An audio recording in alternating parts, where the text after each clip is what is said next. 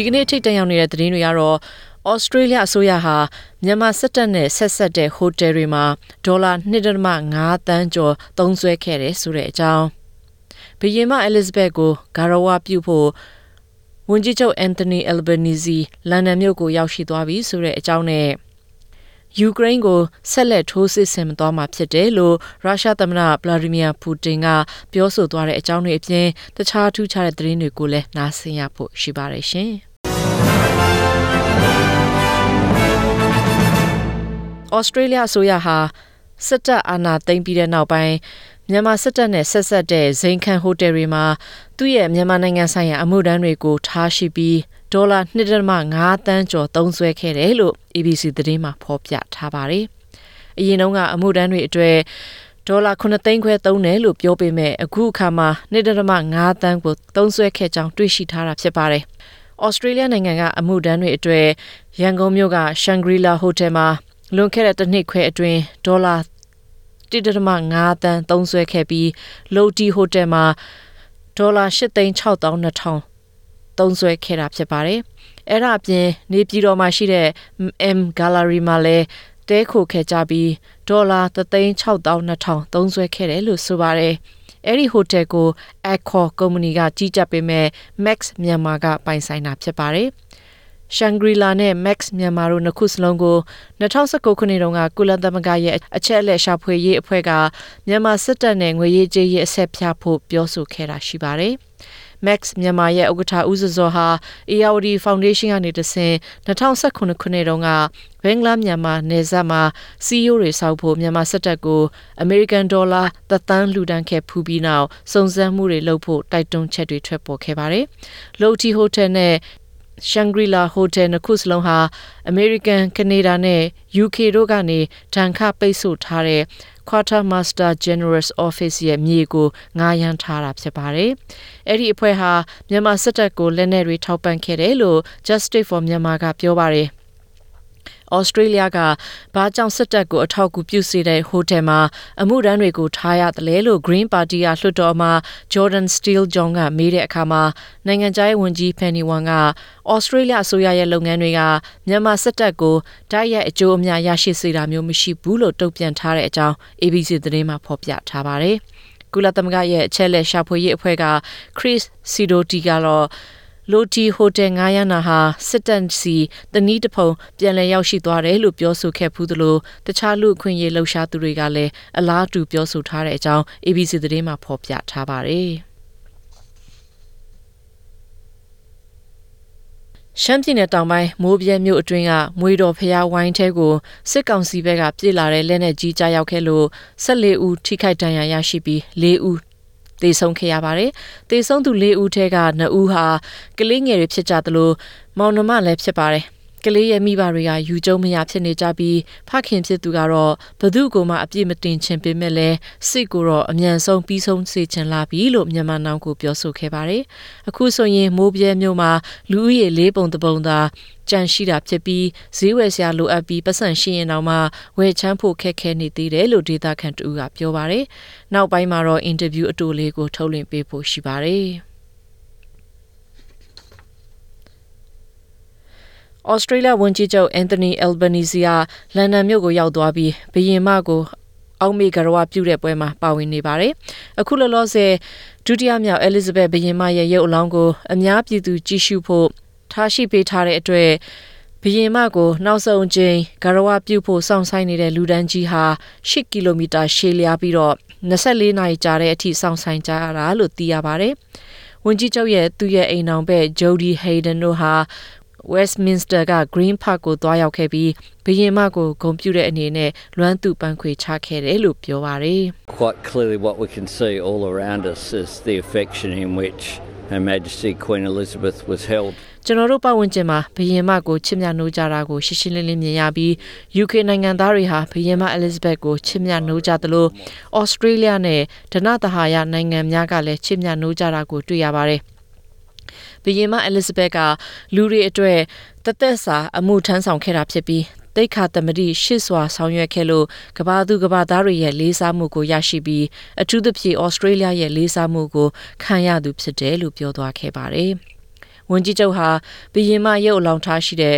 Westminster Hall ကိုတွားရောက်ကြည့်ရှုမှာဖြစ်ပြီးအဲ့ဒီနောက်မှာတော့ Buckingham နန်းတော်မှာဘုရင်နဲ့ခေတ္တတွေ့ဆုံပြီး Lancaster House မှာထားတဲ့ဝမ်းနည်းကြောင်းအမတ်တရစာအုပ်မှာဆိုင်းထိုးဖို့လည်းရှိနေပါတယ်။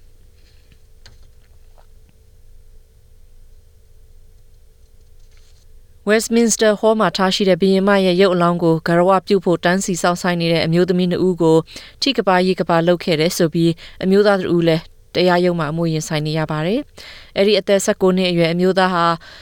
လွှတ်တော်ပြင်ပမှာစောင့်ဆိုင်နေတဲ့အမျိုးသမီးတွေကအမျိုးသမီးတွေကိုသူ့ရဲ့အတွင်းပိုင်းကိုမြင်သာအောင်ပြပြီးနောက်ကနေအမျိုးသမီးတွေကိုတွန်းထိတာမျိုးတွေလုပ်ခဲ့လို့ရဲတွေကဖမ်းဆီးခဲ့တာဖြစ်ပါတယ်။အဲ့ဒါအပြင်နောက်ထပ်အမျိုးသားတဦးဟာလည်းဘရင်မရုပ်အလောင်းနာပြေးလာဖို့ဟန်လုပ်နေတော့ဖမ်းဆီးခံခဲ့ရတယ်လို့လည်းသိရပါတယ်။ နိုင်ငံတကာသတင်းဘက်မှာတော့ရုရှားသမ္မတဗလာဒီမီယာပူတင်က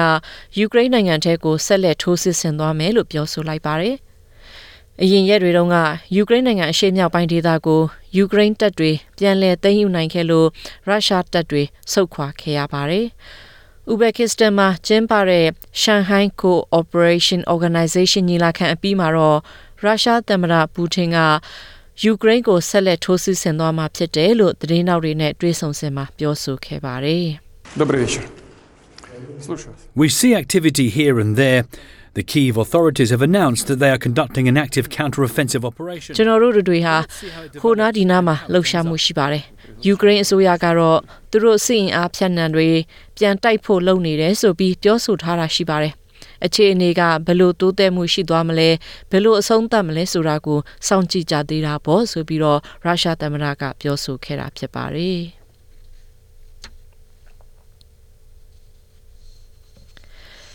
အခုလောလောဆယ်ယူကရိန်းနိုင်ငံအရှေ့ပိုင်းကအီဇီယုံမြို့မှာလူတွေအစုလိုက်အပြုံလိုက်ရဲ့အလောင်းကိုယူကရိန်းဘက်ကတွေ့ရှိထားတဲ့နောက်ပိုင်းအခြေအနေမှန်ကိုသိအောင်ကုလသမဂ္ဂကအဖွဲ့တစ်ဖွဲ့ကိုဆေလွတ်ထားပါတယ်။ တချို့လူခန္ဓာကိုယ်မှာနှိပ်စက်ထားတဲ့ဒဏ်ရာတွေတွေ့ခဲ့ရတယ်လို့စစ်ရာဇဝတ်မှုဆိုင်ရာအကြီးအကဲဖြစ်သူ Oleksandr Ilinkov က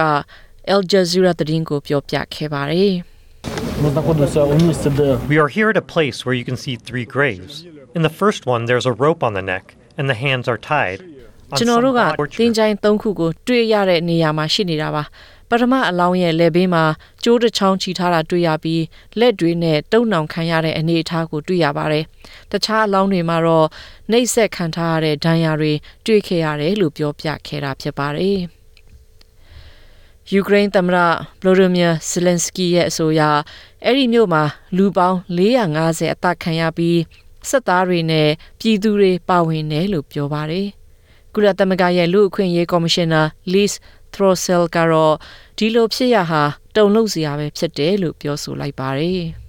We will be looking at to see whether they were military personnel or civilians, uh, and also whether they were killed, uh, whether they died in hostilities or indeed died from natural causes. Exactly. တေဆုံးတဲ့လူတွေဟာစစ်သားတွေဖြစ်ကြသလားဒါမှမဟုတ်အရက်သားတွေလားဆိုတာကိုစမ်းစစ်သွားမှာဖြစ်ပါတယ်။အဲ့ဒါအပြင်အသက်ခံလိုက်ရတာလားဒါမှမဟုတ်တိုက်ပွဲအတွင်းကြာဆင်းသွားတာလားဆိုတာကိုလည်းလေ့လာမှာဖြစ်သလို တဘာဝအတိုင်းတေဆုံးသွားတာလားဒါမှမဟုတ်ကျမ်းမာရေးစောင့်ရှောက်မှုအလုံးအလောက်မရလို့တည်သွားသလားဆိုတာကိုလည်းစမ်းစစ်မှာဖြစ်ပါတယ်။စစ်ဖြစ်တဲ့အချိန်ခါမျိုးမှာဒီလိုအရာတွေအများအပြားဖြစ်လေရှိပြီး Mariupol မြို့ကိုသိမ်းပိုက်ခဲ့တုန်းကလည်းအခုလိုအစုလိုက်အပြုံလိုက်မြုပ်နှံမှုတွေရှိခဲ့တယ်လို့ပြောဆိုခဲ့ပါတယ်။ရုရှားကတော့ယူကရိန်းမှာသူတို့အနေနဲ့အဲ့ဒီလိုမလုံဆောင်ရဘူးလို့ညင်းဆိုထားပြီး ရုရှားကိုထောက်ခံတဲ့ဒေသခံအာဏာပိုင်တွေကတော့အဲ့ဒီလောက်ရက်ကိုယူကရိန်းဘက်ကလှုပ်တာလို့ပြောဆိုဆွဆွဲထားတာရှိပါတယ်။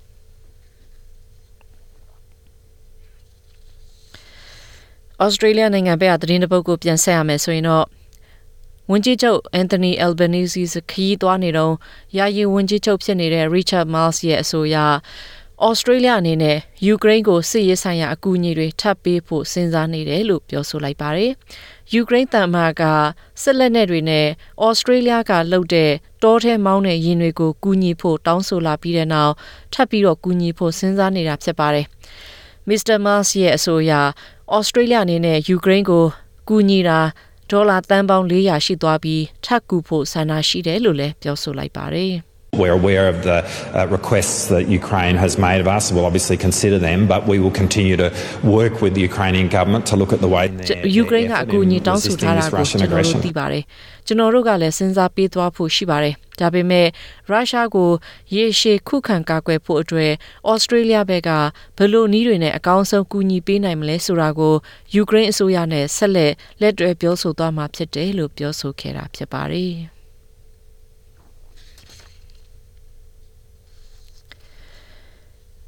ဂျပန်နိုင်ငံမိုးလေဝသဌာနရဲ့အဆိုအရနိုင်ငံရဲ့တောင်ပိုင်းကကျူရှူကျွန်းပေါ်မှာအင်အားပြင်းတဲ့တိုင်ဖုန်းမုန်တိုင်းကြာရောက်နိုင်တယ်လို့သတိပေးထားပါတယ်။နမ်မာဒိုမုန်တိုင်းဟာတိုင်ဖုန်းရာဒီအတွင်းဂျပန်ကိုဝင်ရောက်မဲ့14ခုမြောက်တိုင်ဖုန်းမုန်တိုင်းဖြစ်ပြီးမနက်ဖြန်တနင်္ဂနွေနေ့မှာကြာရောက်မယ်လို့ခန့်မှန်းထားတာဖြစ်ပါတယ်။ကျူရှူမြောက်ပိုင်းမြောက်ပိုင်းပေါ်ရှိတဲ့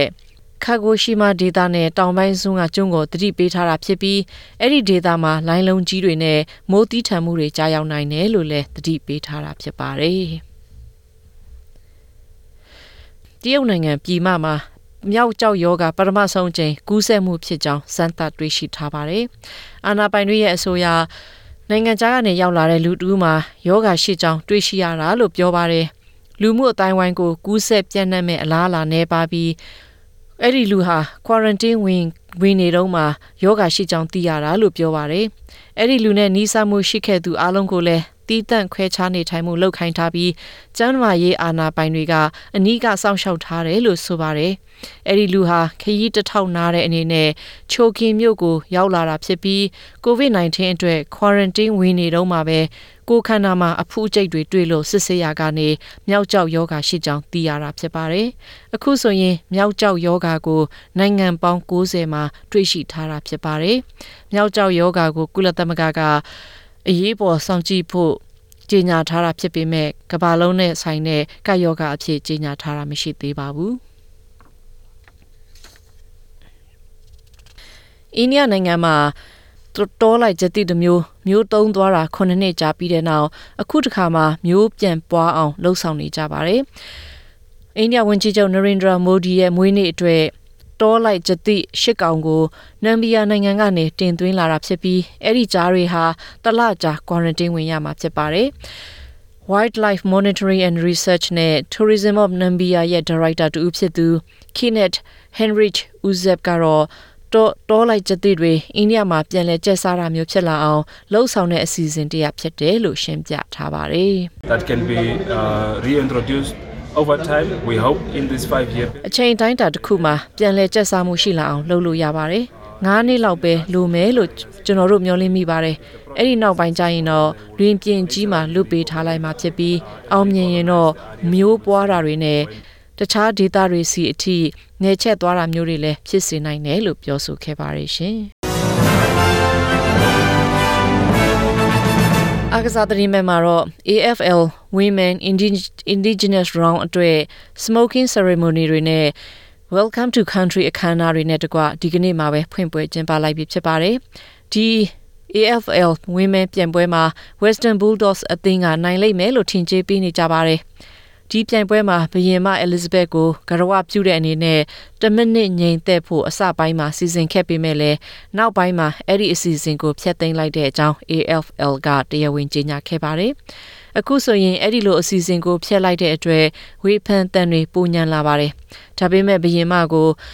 ဂရဝပြုလိုက်မယ်ဆိုရင် ဌာနေတိုင်းသားတွေရဲ့ခံစားချက်ကိုအလေးမထားရရောက်မယ်ဆိုပြီးဖျက်သိမ်းလိုက်တာဖြစ်ပါတယ်။ဒီဘောလုံးပွဲဟာဌာနေတိုင်းသားတွေရဲ့အထူးပွဲဖြစ်လို့သူတို့ရဲ့ခံစားချက်ကိုအလေးထားတာတင့်တော်တယ်ဆိုပြီးတော့လည်းပြောဆိုမှုတွေရှိနေပါတယ်။